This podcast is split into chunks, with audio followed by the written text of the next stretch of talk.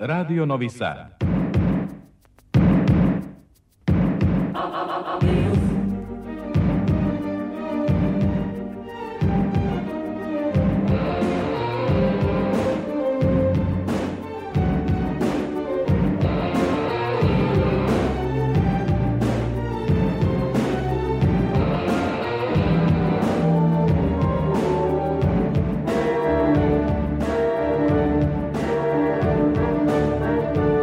Spektar.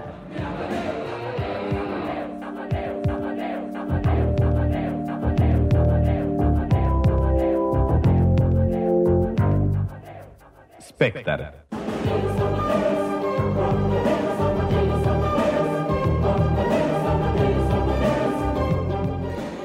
Dobro veče, petak je 22 sata 13 i po minuta, vreme da otvorimo još jedan magazin za kulturu imenom i prezimenom Spektar. Ja sam Tatjana Novčić-Matijević i želim vam dobrodošlicu. Šta je to aktuelno u kulturi ovih dana? Mnogo toga, reklo bi se. Pre svega, ova sedmica bila je u znaku manifestacije Muzeja iza 10 i s obzirom na to da su svi programi danas završeni, mi ćemo malo otići do Sombora. Tamošnji gradski muzej počeo je da obeležava veliki jubilej, 140 godina postojanja, koliko sinoć Otvorili su e, jednu izložbu, a za sedam dana sledi i druga, pa će biti e, više e, detalja o tim događajima. Govorit ćemo i o knjizi Bore Draškovića, Dnevnik povratka. Boro Drašković, veliki reditelj, veliki pedagog, e, onaj profesor sa velikim P koji je odnegovao generacije i generacije reditelja i glumaca na Novosadskoj akademiji umetnosti, umetnik e, koji je imao nesreću da na početku karijere već mu zabrane pozorišnu predstavu, čuvena, sad već kažu mitska e, predstava kad su cvetale tikve. Eto, objavio je dnevnik povratka. E, u Srpskom narodnom pozorištu koliko preksinoć izvedena premijera predstave Poslednji balkanski vampir, režija Aleksandar Popovski prema tekstu Dejana Dukovskog. Podsjetit ćemo se i jednog festivala koji je završen ove sedmice. Reč je o novosadskim pozorišnim igrama, a najavljujemo i onaj koji tek predstoji veliki, najveći pozorišni festival u ovom delu Evrope, usuđujem se da kažem 68. sterino pozorje. Miroslav Mikiradonić, direktor, nam najavljuje šta ćemo sve gledati e, i čemu ćemo se moći da prisustujemo od 26. maja do 3. juna. I poslednja priča za večeras jeste o rezultatima istraživanja e, kakav su odnos građani, odnosno publika i novosađani i gosti i turisti e, zapravo imali prema godini Evropske prestonice kulture, prema svim sadržajima koji su e, bili ponuđeni. E, istraživanje su radili eksperti sa Novosadskog univerziteta, pa ćemo čuti te neke konačne rezultate istraživanja. 88,6 88,9 i 99,3 MHz ultrakratkih talasa je opseg e, prvog programa radija radio televizije Vojvodine i naravno znate da spektar na odloženom emitovanju na sajtu radio televizije Vojvodine biće od naredne sedmice.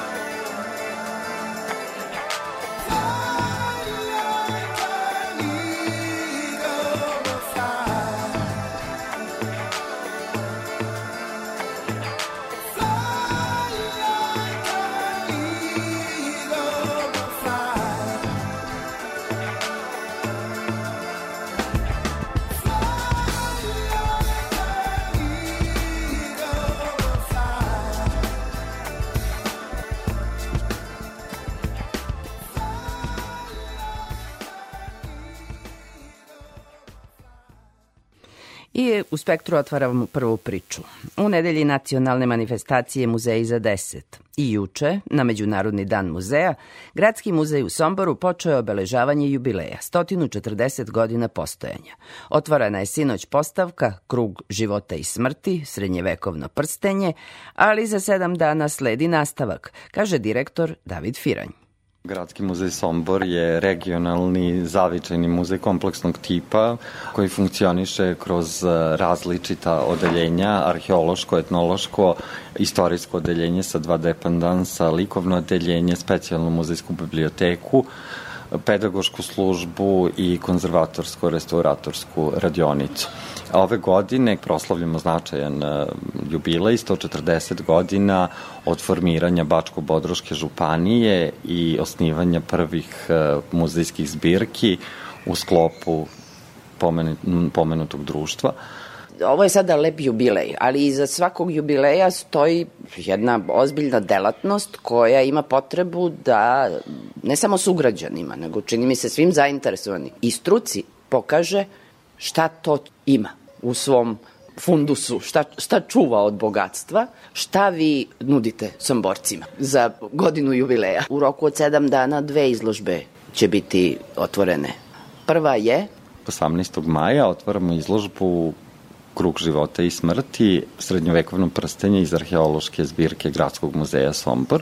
Ovo je izložba koju smo trebali da otvorimo 11. maja, na dan, tačan dan kada je osnovano istorijsko društvo Bač-Podroške županije.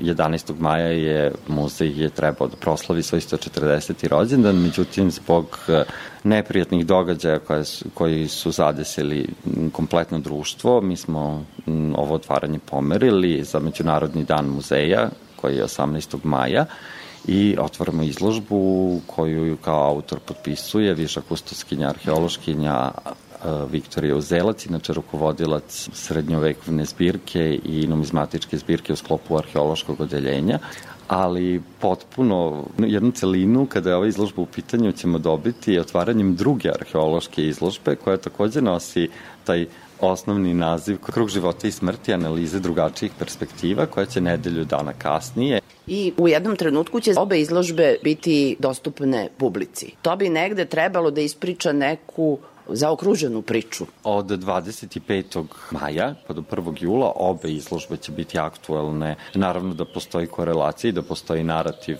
koje one zajedno donose i osvrću se na različite periode ljudske prošlosti na našem podnevlju od bronzanog doba do srednjeg veka. Jel imate novih nalazišta, novih traganja? Gradski muzej Sombor trenutno radi, u procesu je rada. Urađeno je rekognosciranje terena i priprema za iskopavanja na lokalitetu Magareći mlin, koji je izuzetno značajan na nacionalnom nivou i šire, jer prema osnovnim podacima datovane su lobanja deteta i kosti životinja do mezolita. Znači, to je lokalitet koji ima potencijal jednog lepenskog vira i ono prema čemu delatnost, arheološka delatnost Gradskog muzeja Sombor planira da se fokusira u narednom periodu.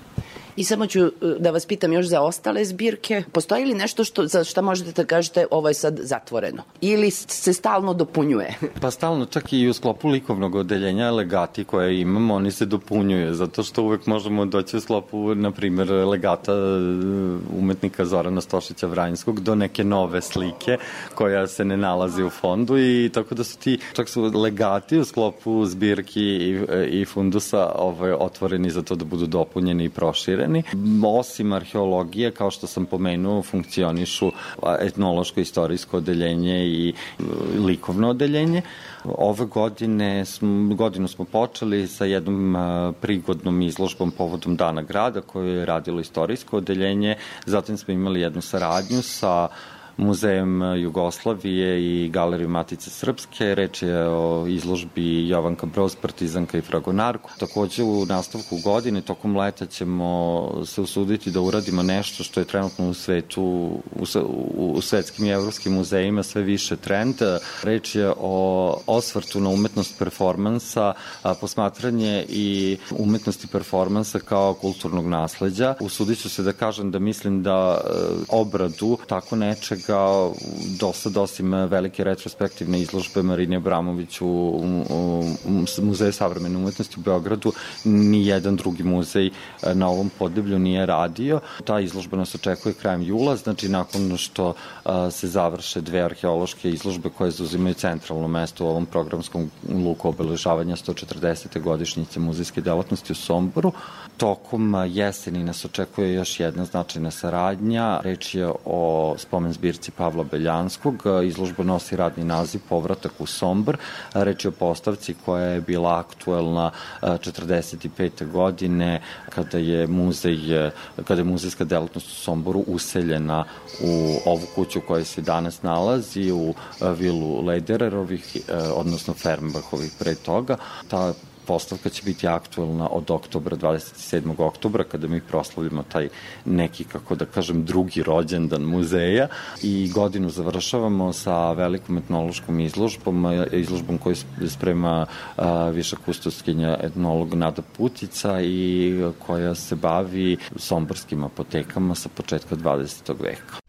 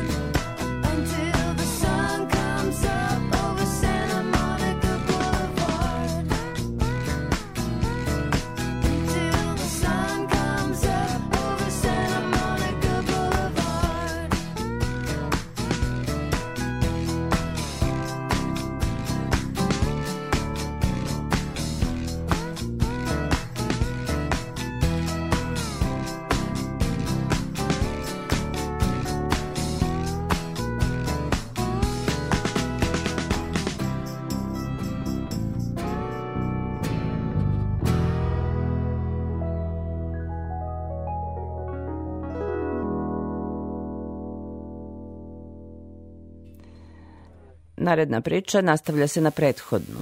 Anđelka Putica, kustoskinja Gradskog muzeja u Somboru, autorka izložbe Krug života i smrti analiza novih perspektiva koja će narednog četvrtka biti otvorena.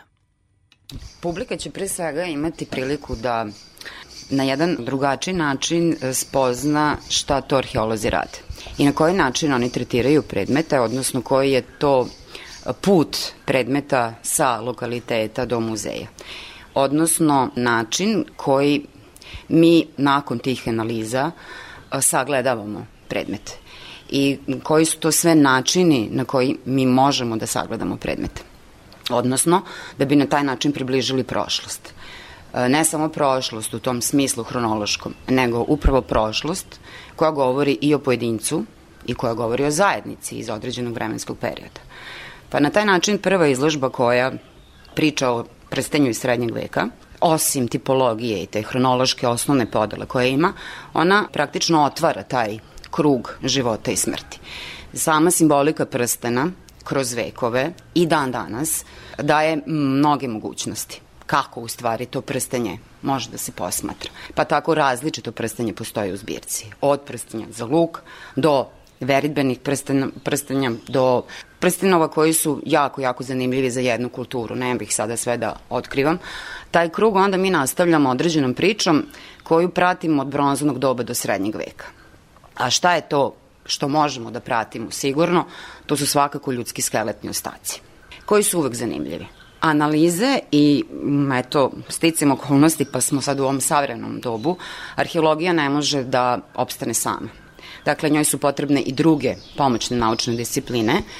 Između ostalog, tu je i antropološka analiza, Zatim, ko ima i sreće i para, može da uradi C14 analize koja nam govore o starosti, može da se uradi DNK analiza. I to je jedan nepregledan spektar stvari koje mi možemo sada da saznamo o pojedincu, a takođe i o zajednici.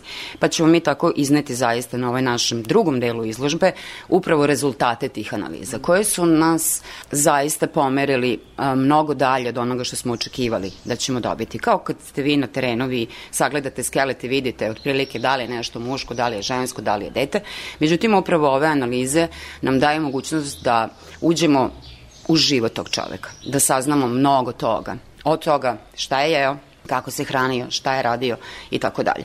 Ta početna ideja nama jeste bila da otkrimo identitete, kako pojedinca, tako uopšte i zajednice. A kako mi otkrivamo te identitete? Naravno, na osnovu priloga koji se nalaze u tim grobovima, koji se onda tumače, pa povezuju, pa sa pojedincom, pa sa zajednicom, pa da li je to nešto što je pojedinac imao za sebe ili u stvari, što se kaže, grobove prave živi, za mrtve i za žive.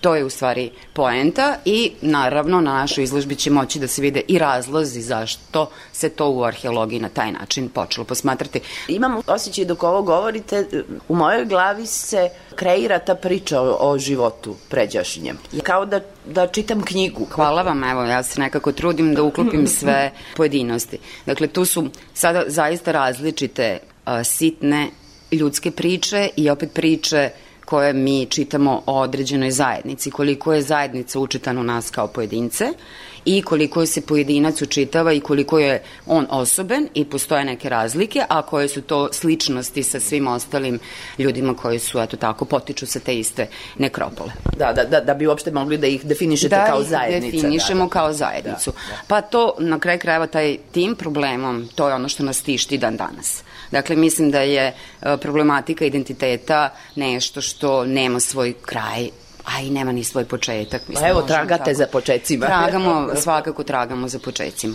I sad bih ja rado da vas vratim na ovo arheološko nalazište, e, Magareći mlin, jer shvatila da on prevazilazi važnost lokaliteta, da je on u, u arheološkom smislu važan za ceo vaš stručni svet, a i za nas kao kulturu. Pa jeste, jako je. Dakle, pričamo o Grećem Linu je počela 80. godina prošlog veka. Prva iskupavanja su bilo 80. godina i tada je u svega nekoliko objekata koji su otkriveni, tom prilikom i istraženi, pronađen gro arheološkog materijala, koji je već tada ukazivao na više slojnost lokaliteta. Nađena je keramika, kerami, ne samo keramički predmeti, nego predmeti iz perioda neolita do srednjeg veka i srednja veka. Uz, naravno, i bronzano doba i tako. Dakle, to je jedan širok dijapazon svega. I značaj samog lokaliteta se već tada video. Uz, na primjer, Donju Branjevinu koja se takođe nalazi na našoj teritoriji i oni važe kao neolitski lokaliteti sa kulturama ovaj, iz ranog neolita, Kereš Tačevo i tako dalje. Međutim, potencijal lokaliteta su osetili i stručnjaci koji se bave tako, širom zemlje Srbije raznoraznim, i stručni su u raznoraznim oblastima, kao što sam spomenula, bioarheologija i tako dalje. Imali smo ideju što smo ju radili nakon 30 godina tačno, smo ponovo obišli lokalitet, i uh, shvatili da će taj uh, potencijal je mnogo veći od onoga što, što, što, smo, ovaj, što smo mi mislili, a umeđu vremenu, uh, pošto se na, u, naravno u našem muzeju čuva studijska zbirka sa tih prvih iskopavanja, koleginica Sofija Stefanović je u okviru svoga projekta obradila određene artefakte, ali tako, životi, i životinske kosti i ljudske kosti su obrađene i u gomili tog materijala je pronađena jedna, jedan fragment dečije lobanje uz životinske kosti koje su C14 analize pokazala da su iz perioda mezolita.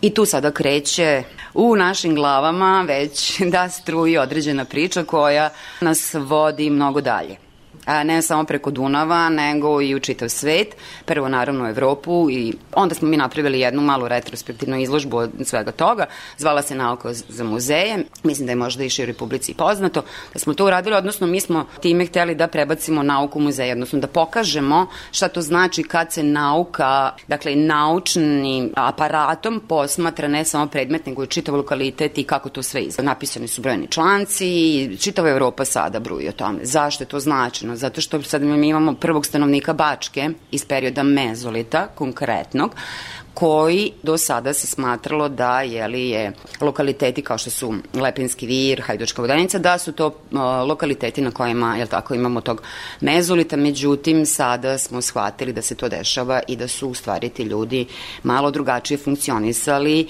izlazili iz tih okvira u kojih mi ovaj, uh, smeštamo.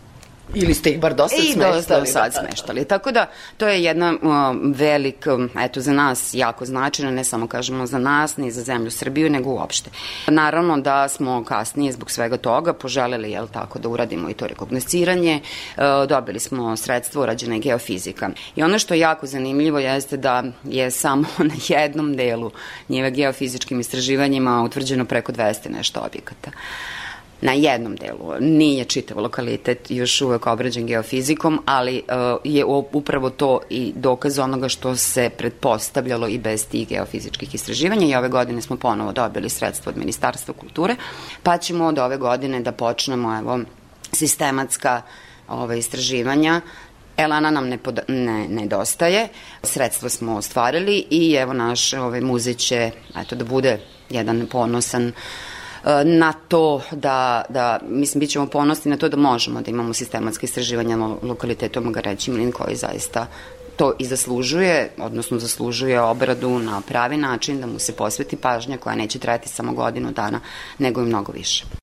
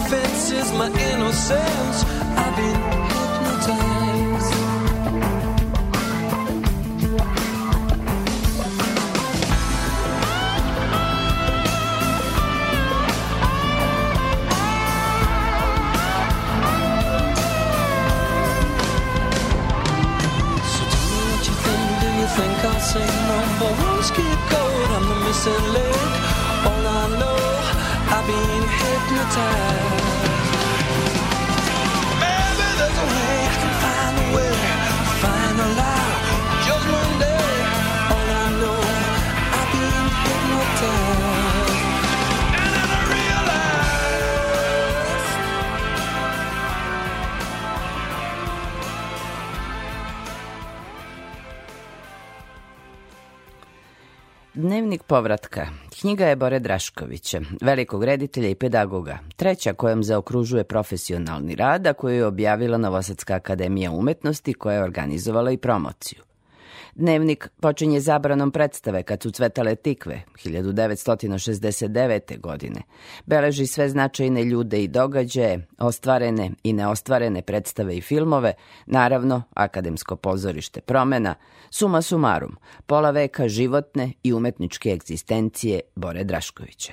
Ova knjiga hoće da kaže da jedna od nevolja našeg pozorišta, ne, ne samo zabrane, administracija, financije, ta, jedna od nevolja je ta što naprosto neke stvari se ponavljaju i ne mogu da se odigraju.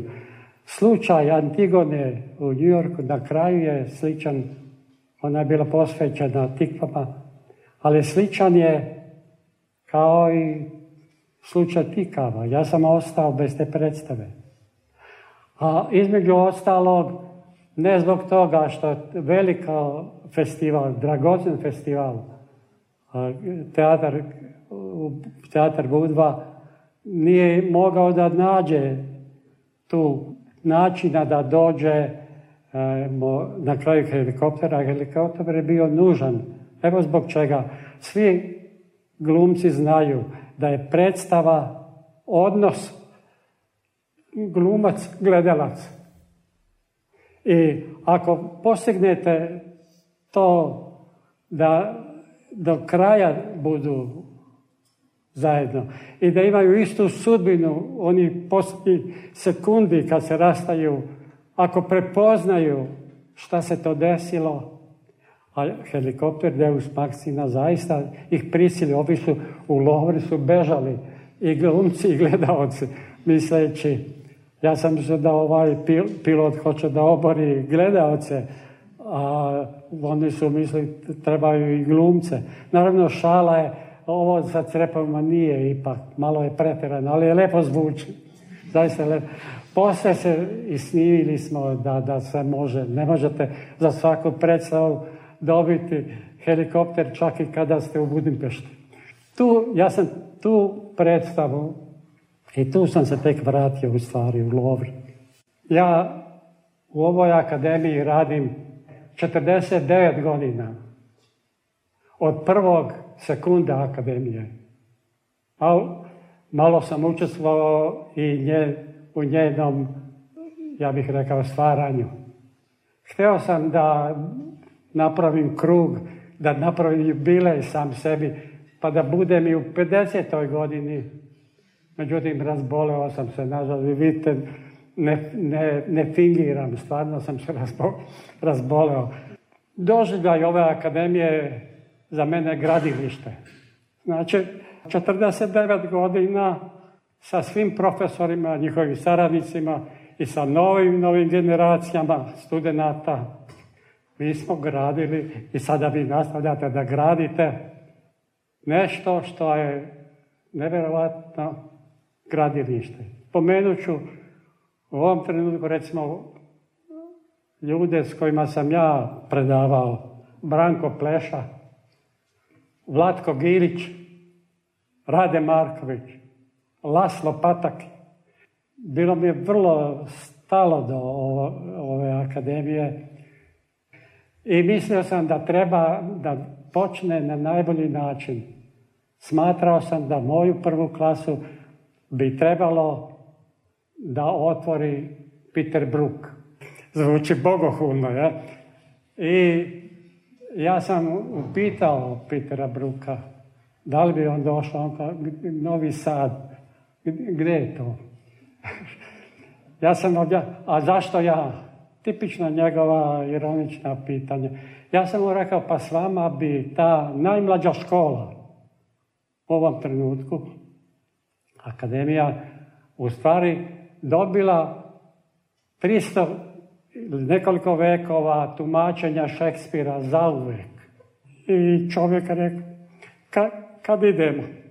A ovde tada bio prvi dekan akademije, kompozitor Bruči. Upravo je Gilgameša pravio operu.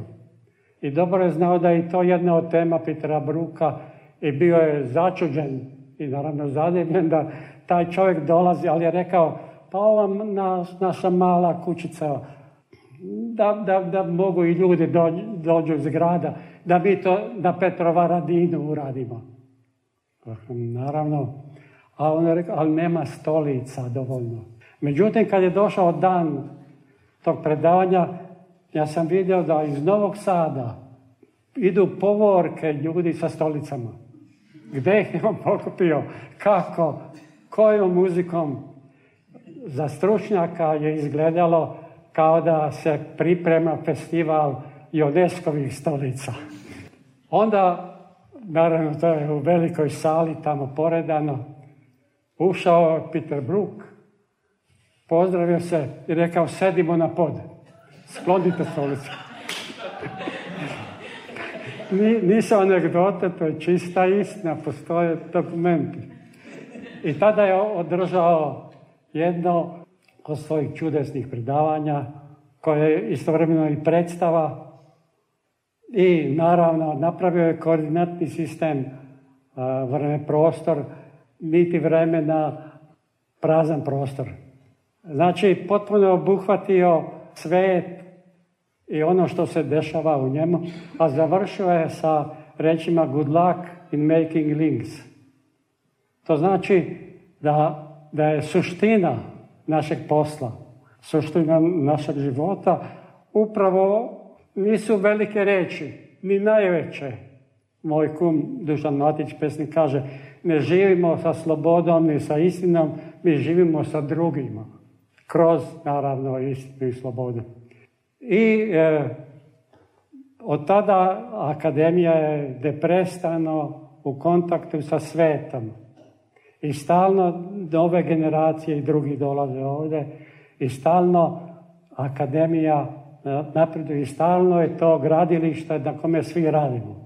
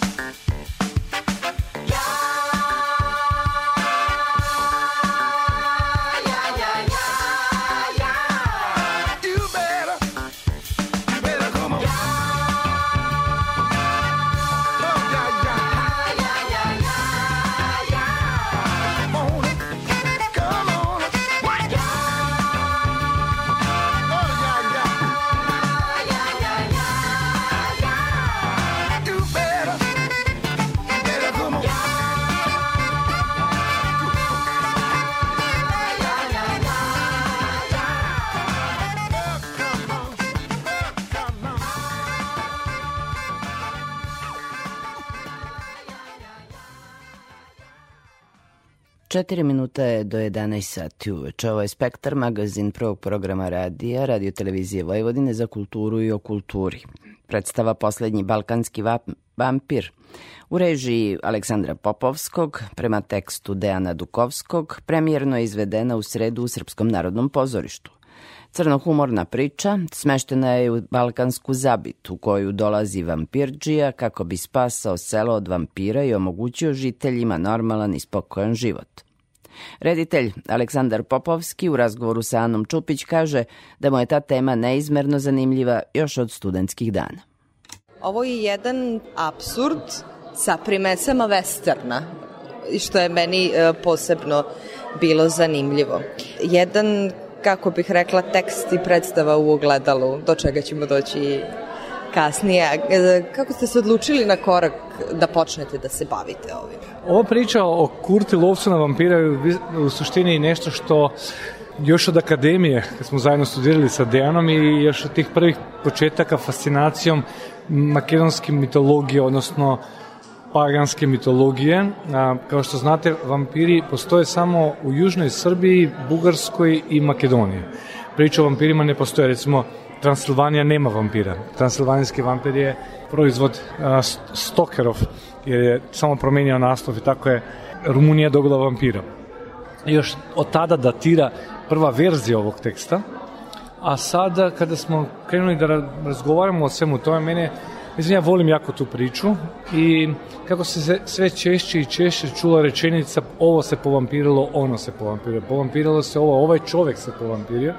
Sam rekao, za- za da je vreme da je vampirsko vreme i da nam treba kurta, lovac na vampire, da sve to rešimo. I tako smo krenuli u stvari u ovu priču. Da, e, glumci e, su mi izgledali kao da jako uživaju dok e, igraju ovu predstavu i da se neverovatno zabavljaju, a i publika se zabavljala sa njima večeras. Jako su svi lepo reagovali. Ono što je zanimljivo je što igraju nekako ekspresionistički, ali samo u govoru i e, samo u načinu zapravo malo je i e, groteskno ako, ako se ne varam. A, ja sam jako insistirao na početku, a, su me malo čudno gledali, ja sam strašno insistirao na govornoj radnji. Jer sam mislio da je cela, ceo mizanscen, cela a, a, dramatika u načinu izgovaranja rečenice i u načinu govora. I da a, pristup samim time što i kako izgovorimo, da to donosi u stvari jezik same predstave. I um, to je na kraju po meni urodilo plodom zato što su postali a, dobili smo jedan drugačiji tip glume što mislim da je strašno važno za, ovo, za ovaj tip predstave jer ovaj tekst se dosta govori Da. jako je važno se, kako se govori Da, da, jeste i to je, to je e, sada jako lepo malo za promenu da imamo i tog e, divnog govora. Žene su e, nezaštićene neveste u, u, u prolazu. Zašto? nezaštićena nevinost u Nevinost, u prolazu. pardon. da, da, da. Pa, mislim, to je... Kako, to su delovi koje je Dejan dopisivao i ubacivao u smislu kako um, je ovo vreme definisalo različite pojmove, tako su ti pojmovi ulazili u, u samom predstavu. Mislim, sve je to deo tog povampirenog sveta. Da, ka, kad smo već opet došli do dela tog povampiranog sveta, to jeste najbitnija replika ove predstave i cijelog komada, komada e. Ono što je posebno bitno je taj odraz u ogledalu. Pa sad mi dolazimo do tog pitanja i danas i u predstavi da li možemo da se pogledamo u ogledalo i da li vidimo svoj odraz istinski. Ja verujem da je pozorište jedno veliko ogledalo i da mm, zato smo tu, zato ono traje vekovima i u stvari je najuzbudljivije jer ovaj tekst nema nikakve, ama baš nikakve i sve moguće asocijacije na ovo današnje vreme. Znači on se dešava negde, u neko vreme, u nekom kraju. I nama je sve jasno. Hvala vam najlepše što ste govorili za naš rad.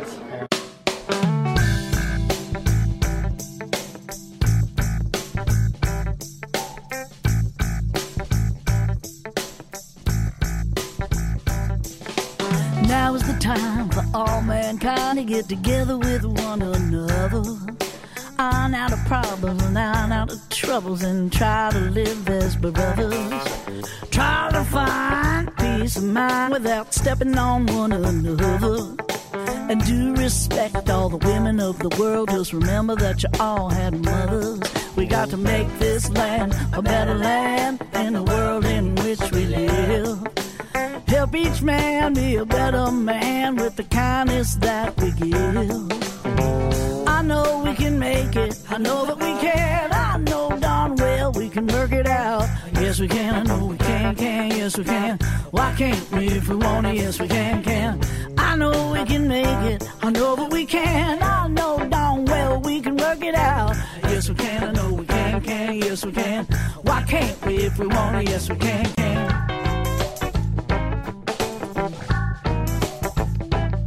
We gotta take care of all the children, the little children of the world.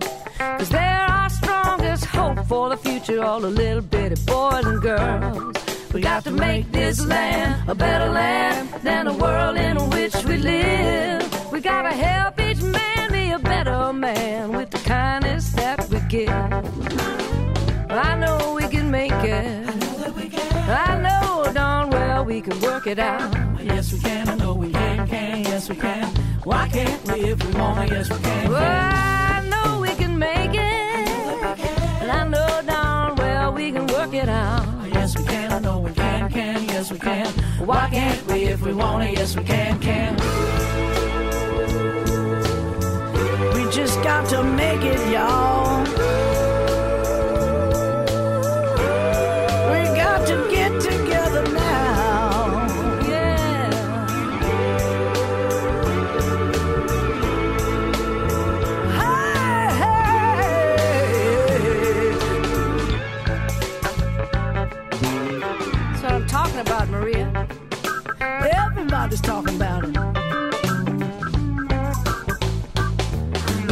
Take care of our mother. I'm talking about Mother Earth. Clean up all the pollution, y'all. Let's get together now and get to work. I know we can make it. I know that we can. I know darn well we can work it out. Yes, we can. I know we can, can. Yes, we can. Why can't we if we want to? Yes, we can, can. I know we can make it. I know that we can. I know darn well we can work it out. Yes, we can. I know we can, can. Yes, we can. Why can't we if we want to? Yes, we can, can. Oh, I know we can make it. Hey, work it out now.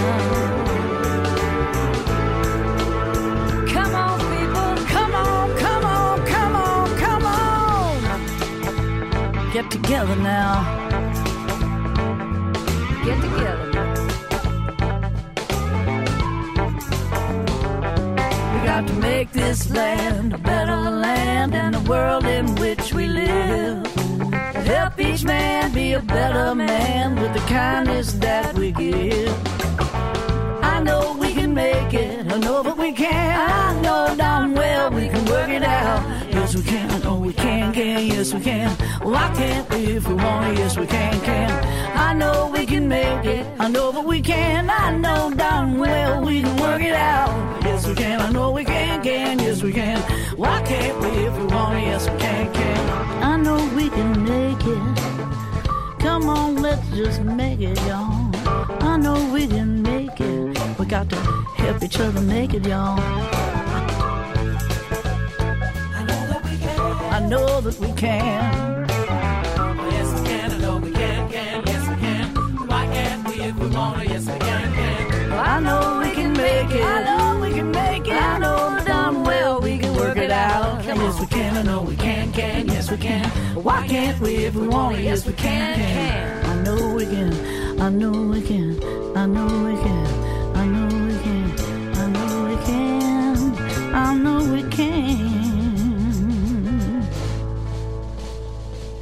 Se puede. U ponedeljak je dodelom nagrada u pozorištu mladih zatvoren Međunarodni festival profesionalnih pozorišta za decu i mlade Novosadske pozorišne igre. U sedam festivalskih dana prikazano je 12 predstava evropskih pozorišta. Ana Čupić. Nagradu za najbolju predstavu žiri je dodelio komadu pozorišta za decu i mlade iz Skoplja Ronja Ćerka razbojnika u režiji Jakoba Maksimova, a nagrada za majstorstvo animacije pripala je glumici Mateji Jankovskoj za ulogu Ronje u istoimenoj predstavi. Delo je u isto vreme arhaično i savremeno i u svim segmentima izuzetno, rekla je članica žirija Olivera Milošević. Meni je u stvari primer u toj predstavi kako sa malo sredstava finansijske, kako ni od čega može da se napravi pozorišna čarolija. Nagrada za glumačku bravuru dodeljena je Jeleni Trkulji za više uloga u predstavi Hajdi u režiji Đurđe Tešić pozorišta Boško Buha.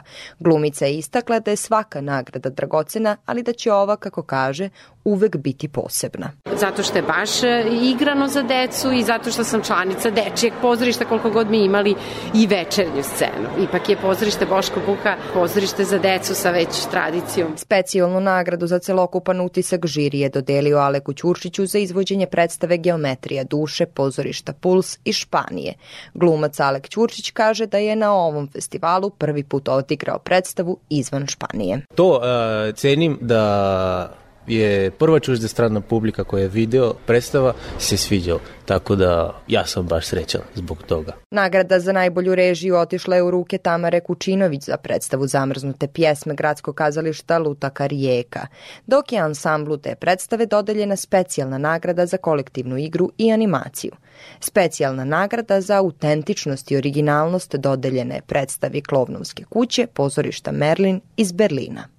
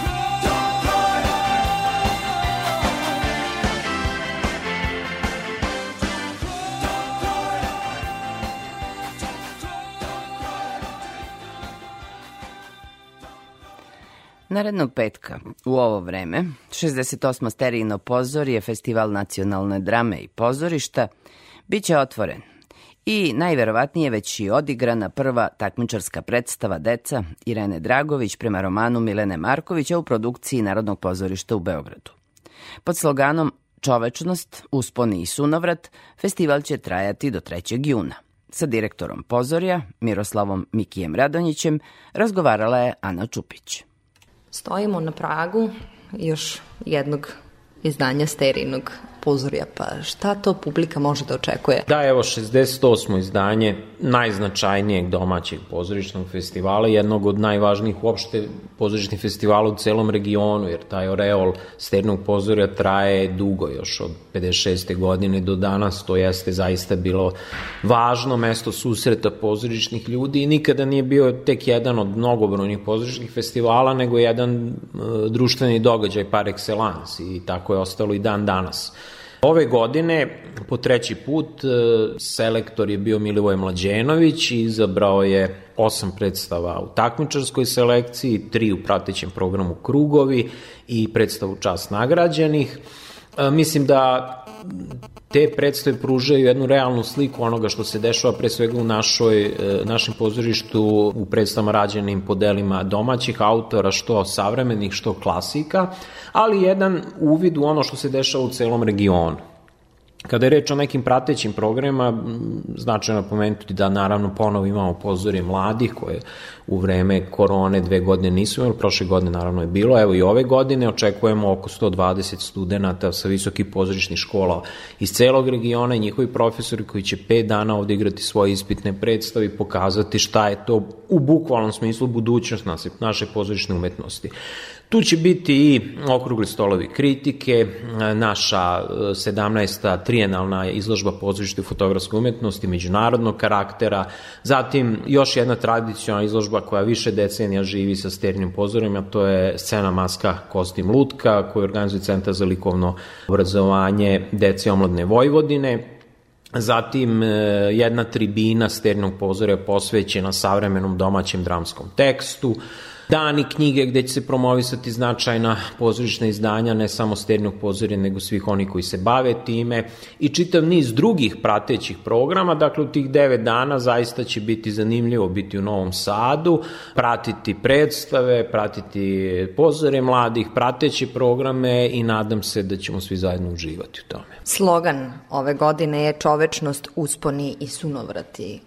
Odakle inspiracija za ovakav slogan? Da, slogan je odredio selektor nakon što je odgledao sve predstave, odredio selekciju, negde se ovaj slogan ispostavio kao zajednički imenitelj za većinu predstava koje se nalaze na našem, na našem festivalu. A s druge strane, nažalost živimo u takvom svetu gde je pitanje čovečnosti, empatije, osjećajnosti, duhovnosti, ljudskosti, zaista postale su to sve vrlo relativne kategorije. E, ovaj svet u kojem mi danas živimo je vrlo surov, to nam pokazuje unazad 30 godina, dakle u celom svetu se dešavaju zaista tragične stvari koje se evo, i, i, i mi smo svedoci šta nam se desilo unazad eto, dve nedelje, a i ranije. I zaista povremeno se čovjek upita da li je ljudska vrsta i čovečanstvo došlo do svog kraja i da li je ovo neki kraj civilizacije i da li smo se zaista sunovratili u neku provaliju bez dna. A opet, s druge strane, i vesti koje čujemo i ono što se dešava i u umetnosti, kulturi i u pozorištu, ponekad blesne onako kao neka iskra nade i optimizma i onda zaista pomislite da je ostalo dovoljno ljudskosti i čovečnosti u svima nama i da to predstavlja neki povratak normali, neki uspon ka nekim sferama ovaj, duhovnosti i nečemu što je mnogo važnije od nekog pukog preživljavanja. Tako da, eto, taj slogan e, zaista i moto festivala govori najviše o vremenu i svetu u kome živimo, i možda o tome da svi zajedno treba da se zapitamo gde smo, šta smo, zašto smo ovde i čemu težimo.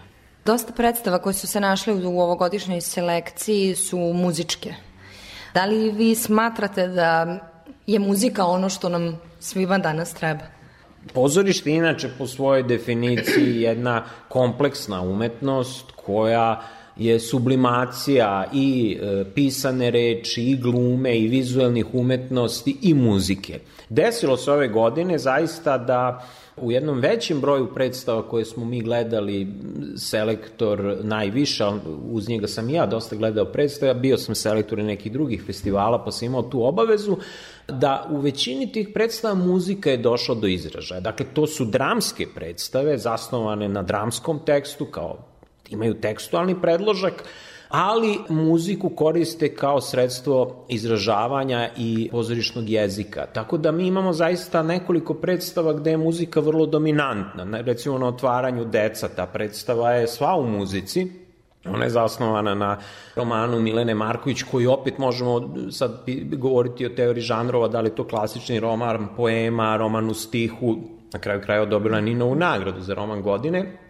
Irena Popović, naša kompozitorka je i reditelj te predstave ona je sva u muzici. Ali u drugim nekim predstavama koje učestvuju takođe muzika je dosta dominantna. Pa recimo u predstavi Lepa vida koju je radio Marija Neća koja dolazi iz Kopra, vrlo zanimljiva predstava, takođe muzika dominantna. Marija Nećak je kompozitor, kao i reditelj. To, to je recimo jedan od kurioziteta ovogodišnjih pozora, ima ih još nekoliko. I druge predstave, takođe Noć s Aleksom, Noćna frajla, sve te predstave u sebi imaju muziku, da ne govorimo o predstavi Aleksija Rajčić. Dakle, to je nešto što je zanimljivo da na jednom festivalu koji neguje pre svega pisanu reč i koji u svojoj osnovi dramski festival, imamo i e, veliki broj predstava sa muzikom kao dominantnim elementom izražavanja. Predstava koja će biti odigrana u čast nagrađenih je rađena u koprodukciji Zrenjaninskog pozorišta Toša Jovanović i Sterinog pozorija. Po čemu je ona posebna i zašto bi publika trebala da dođe da je vidi? Sterino pozor ima već duži niz godina praksu da ulazi u koprodukcije ne samo sa pozorištima iz Srbije nego iz celog regiona i da postavljamo pre svega savremene tekstove na scenu jer to jeste jedna od misija Sterinog pozorja. U desetak slučaja slučajeva radilo se o pobedničkim tekstovima sa našeg konkursa koji Stereo pozor raspisuje u cilju afirmacije, promocije i razvoja savremene domaće dramske književnosti, ali smo postavljali neke tekstove koji pripadaju domenu ili klasike, kao što je to bilo recimo slučaj sa predstavom Ajduci po Jovanu Steri Popoviću, reži Anđelke Nikolić koji smo radili koprodukciji sa pozorištem iz Gračanice ili nekim drugim slučajima. Evo, o, prošle godine se desilo da smo na osnovu jednog vrlo zanimljivog romana, neobičnog, žanrovski i stilski neobičnog, Miodraga Kajteza, za koju je dramatizaciju radio Đorđe Milosavljević, napravi se jedna priča, jedan dramski tekst koji je vrlo neobičan i koji je tražio i jednog takvog nekonvencionalnog reditelja i mesto na kome se može postaviti i onda je Nikola Zavišić odlučio da u Zrenjaninu koristeći dramatizaciju Đorđa Milosavljevića i roman Mildraga Kajteza, zajedno sa glumcima Narodnog pozorišta Toša Ivanovića u Zrenju napravio jednu zaista neobičnu predstavu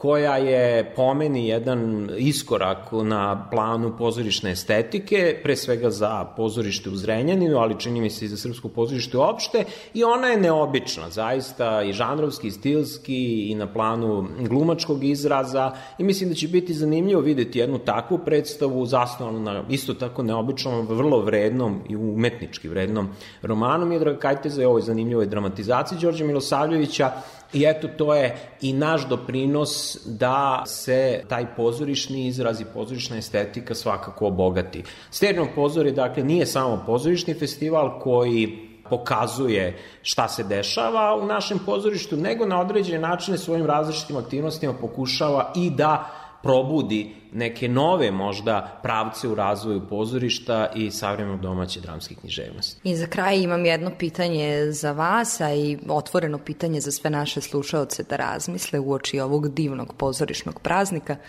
Šta za vas znači i predstavlja pozorište? Ja se pozorištem stvarno dugo bavim. Još kao klinac sam imao ta iskustva izlaska na scenu i e, bavljenja amaterski pozorištem i pre svega to je bila onako jedna dečija ljubav prema pozorištu i negde to je postala i moja profesija. Ja imam tu sreću da ovo čime se bavim, moj posao je ono što mi je nekad bilo hobi. I to je valjda najsrećnija okolnost koja čovjeku može da se desi. Osjećaj zadovoljstva kada u pozorištu gledate jedan umetnički vredan čin je neopisiv, jer, jer vas ono plemenjuje na, na vrlo jasan način. I pozorište jeste mesto susreta, mesto na kome čovjek može da se zapita zaista kakav je svet u kome živimo, šta je ono što je vredno, šta su temeljne vrednosti o kojima vredi razmisliti i mesto na kome bukvalno može da se doživi taj osjećaj produhovljenja, osjećaj da prisustujete nečemu što jeste veličanstven umetnički čin. Naravno, nije svaka predstava remek delo, daleko od toga, ali svaka od tih predstava na ovaj ili onaj način može da vas ponuka da razmišljate onom što gledate, onom što čujete i da razmišljate o svetu u kome živite. Pozorište zato jeste jedna od najkompleksnijih umetnosti koja postoji već više od dva i po milenijuma i sigurno će postojati dok od postoji civilizacija i čovek na ovoj zemlji. Hvala vam najlepše što ste govorili za naš radio.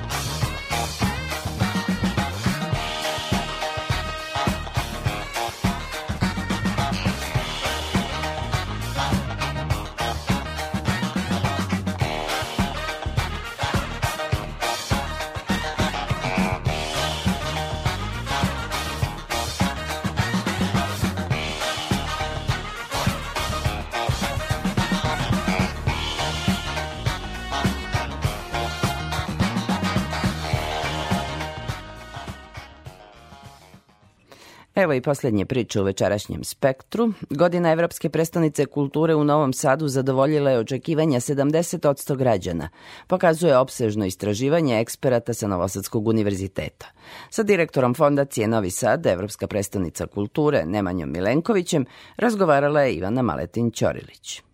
Tim nezavisnih evaluatora sa Novosadskog univerziteta bavio se više od pet godina detaljnom analizom i samom postavkom metodologije istraživanja projekta Novi Sad, Evropska prestonica kulture.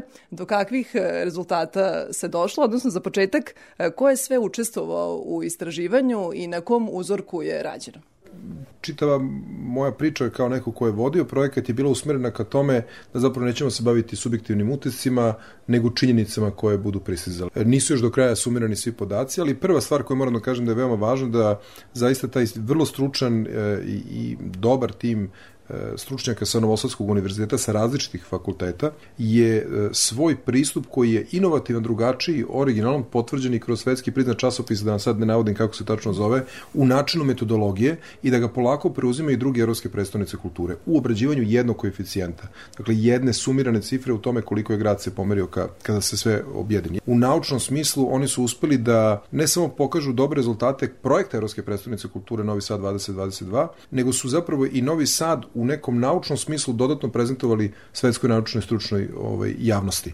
I ti rezultati će biti konačno objavljeni tamo negde posle oktobra, novembra meseca, kada je i to naša obaveza, ali već sada izlaze neki koji moram priznati kao neko ko je u ovom projektu od početka, dakle od kandidature do, do, do kraja realizacije njegove, moram priznati da i mene u nekim slučajima vrlo prijatno iznenadio. Uzorci su prosto, čim su prošli ovakvu selekciju u prestižnim naučnim časopisima, značajni i pokazuju zapravo pre svega da recimo 77,6% građana Novog Sata je prezdovoljna Evropskom predstavnicom kulture tim projektom ili je to prevazišlo njihova očekivanja. Onda dobijete zapravo konačnu potvrdu o tome šta je rađeno, jer naravno da uvek ovakav jedan proces ima i one koji su zadovoljni, koji nisu, ali kad dobijete cifru od 77, gotovo 80%, to govori o tome da je ovaj projekat i više nego uspešan bio. Ko je sve učestvovao u istraživanju, osim građana, tu su bile i ustanove kulture, ako se ne varam? I ustanove, i umetnici, i turisti, dakle, zaista jedan sveobuhvatan pristup u tom smislu i ja im se u tom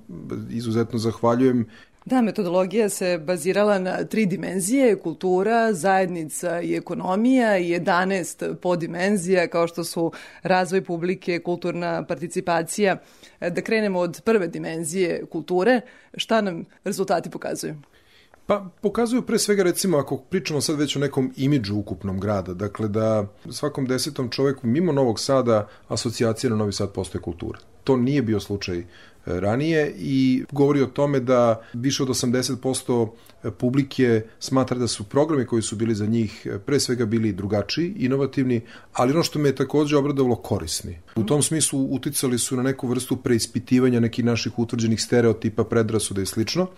I konačno ta neka ocena kvaliteta programa mislim da je izuzetno važna, od 1 do 5, ocene 4,2 što je vrlo visok nivo kvaliteta ukupnog programa, pogotovo ako uzmete u obzir da to bilo 4000 programa u jednoj godini koji su ruku na srce bili različitog i gabarita i kvaliteta i tako dalje, neujednačeni u tom smislu, ali kad uzmete taj ukupni procenat, to govori o tome da kvalitet programa, njegova inovativnost, njegov drugačiji pristup teme koje smo birali i način izvedbe je stvorio i novu publiku što je i bio cilj u svakom smislu. Kada govorimo o toj drugoj dimenziji istraživanja, o uticaju projekta Novi Sad, Evropska predstavnica kulture na lokalnu zajednicu, do kakvih saznanja tu dolazimo? Pa recimo ciljeve koje smo postavili, to je ono što je dobro. Dakle, dobijate sada kroz ove rezultate direktne potvrde toga da ako postavite cilj da je decentralizacija kulture i vidite da građani sami to izgovaraju kao bez pitanja šta mislite o de decentralizaciji kulture, nego šta je to što mislite da je projekat veoma značajno doneo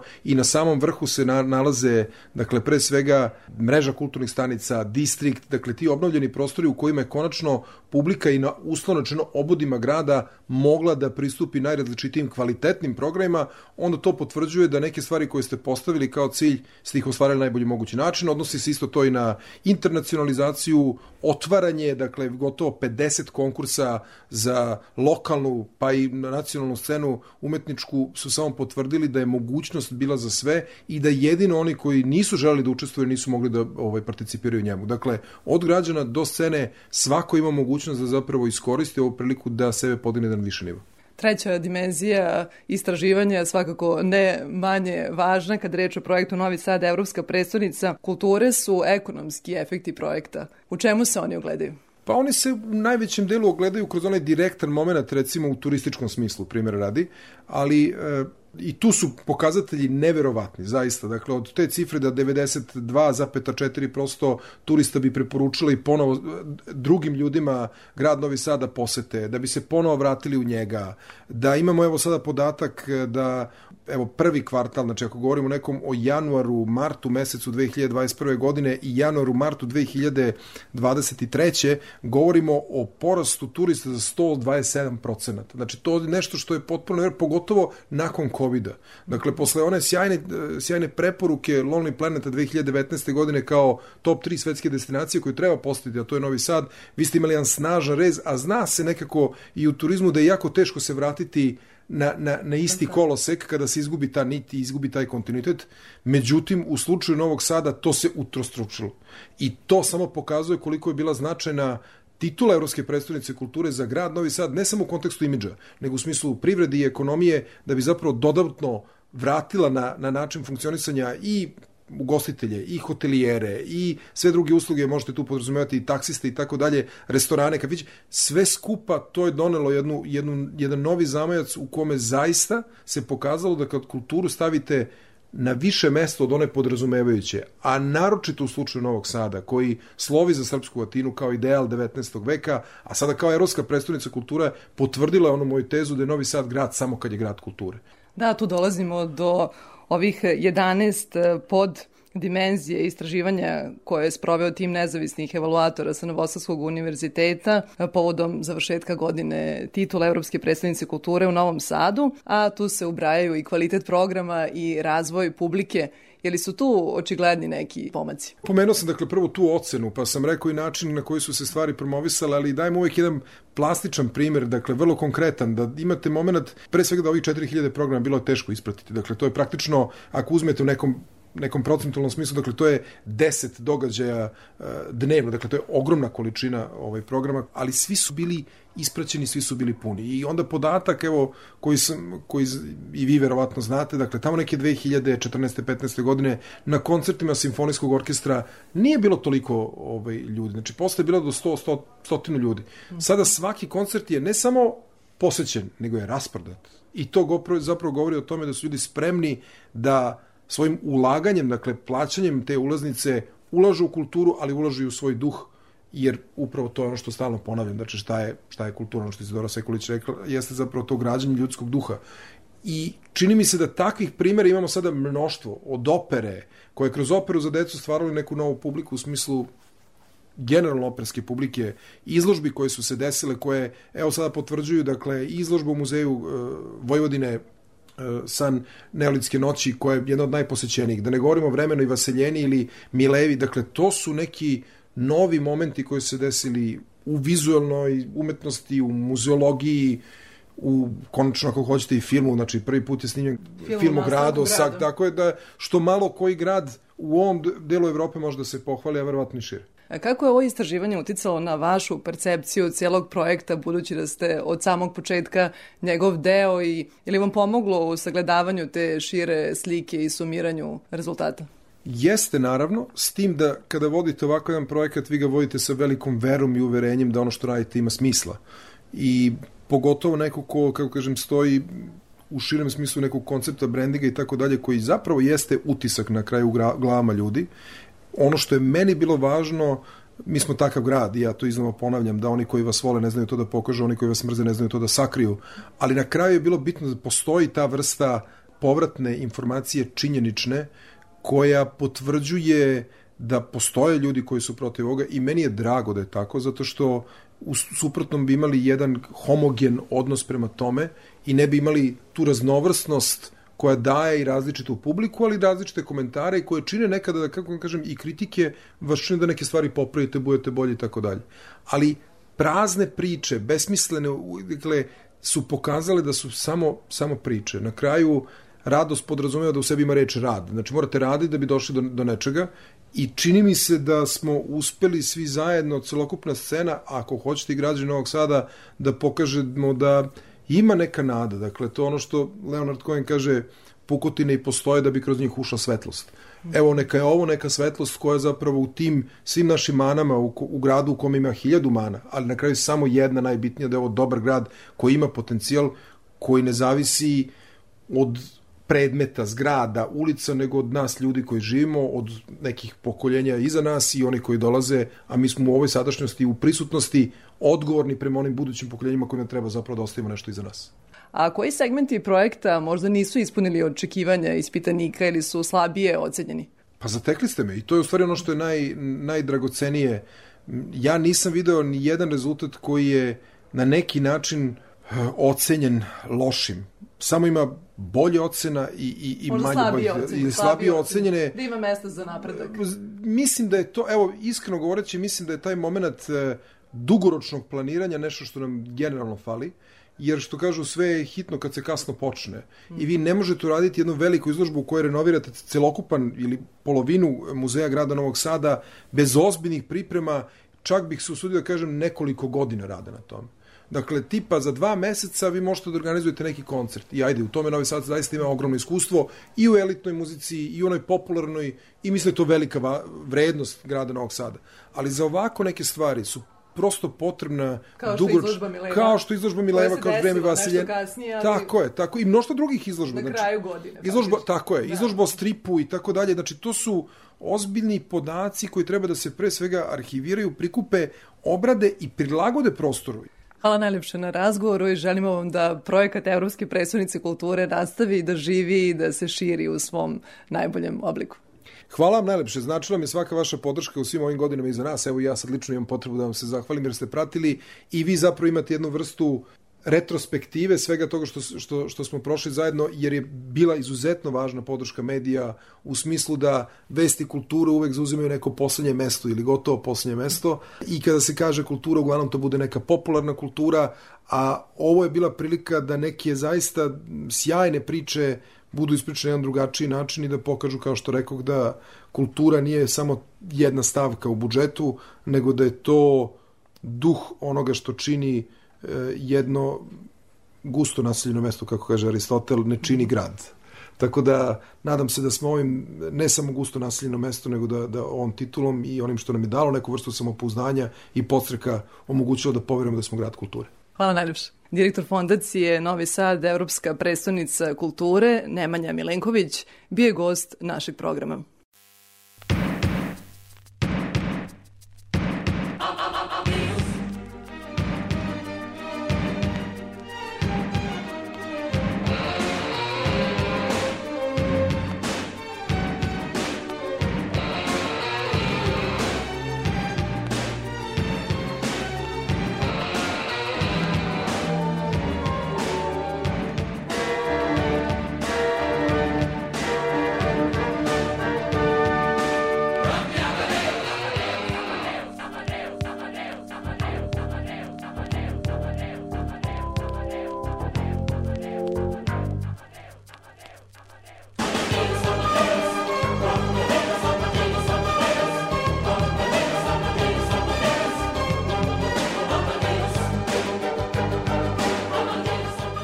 Smo do kraja spektra ovog 19. maja. Približavamo se već i kraju majskih izdanja magazina za kulturu Radio Novog Sada. Bio je to spektar gusto naseljen rečima, odabranim, opreznim, smislenim. Narednog petka ponovo neke nove priče o kulturi umetnosti na ovim prostorima. Kao što sam već rekla, počeće sterijino pozorje i narednih dana sve više ćemo se baviti tim festivalom, tim teatrom i tim ogledalom svih nas. Laku noć i dobre snove želim vam Tatjana Novčić-Matijević. Do slušanja.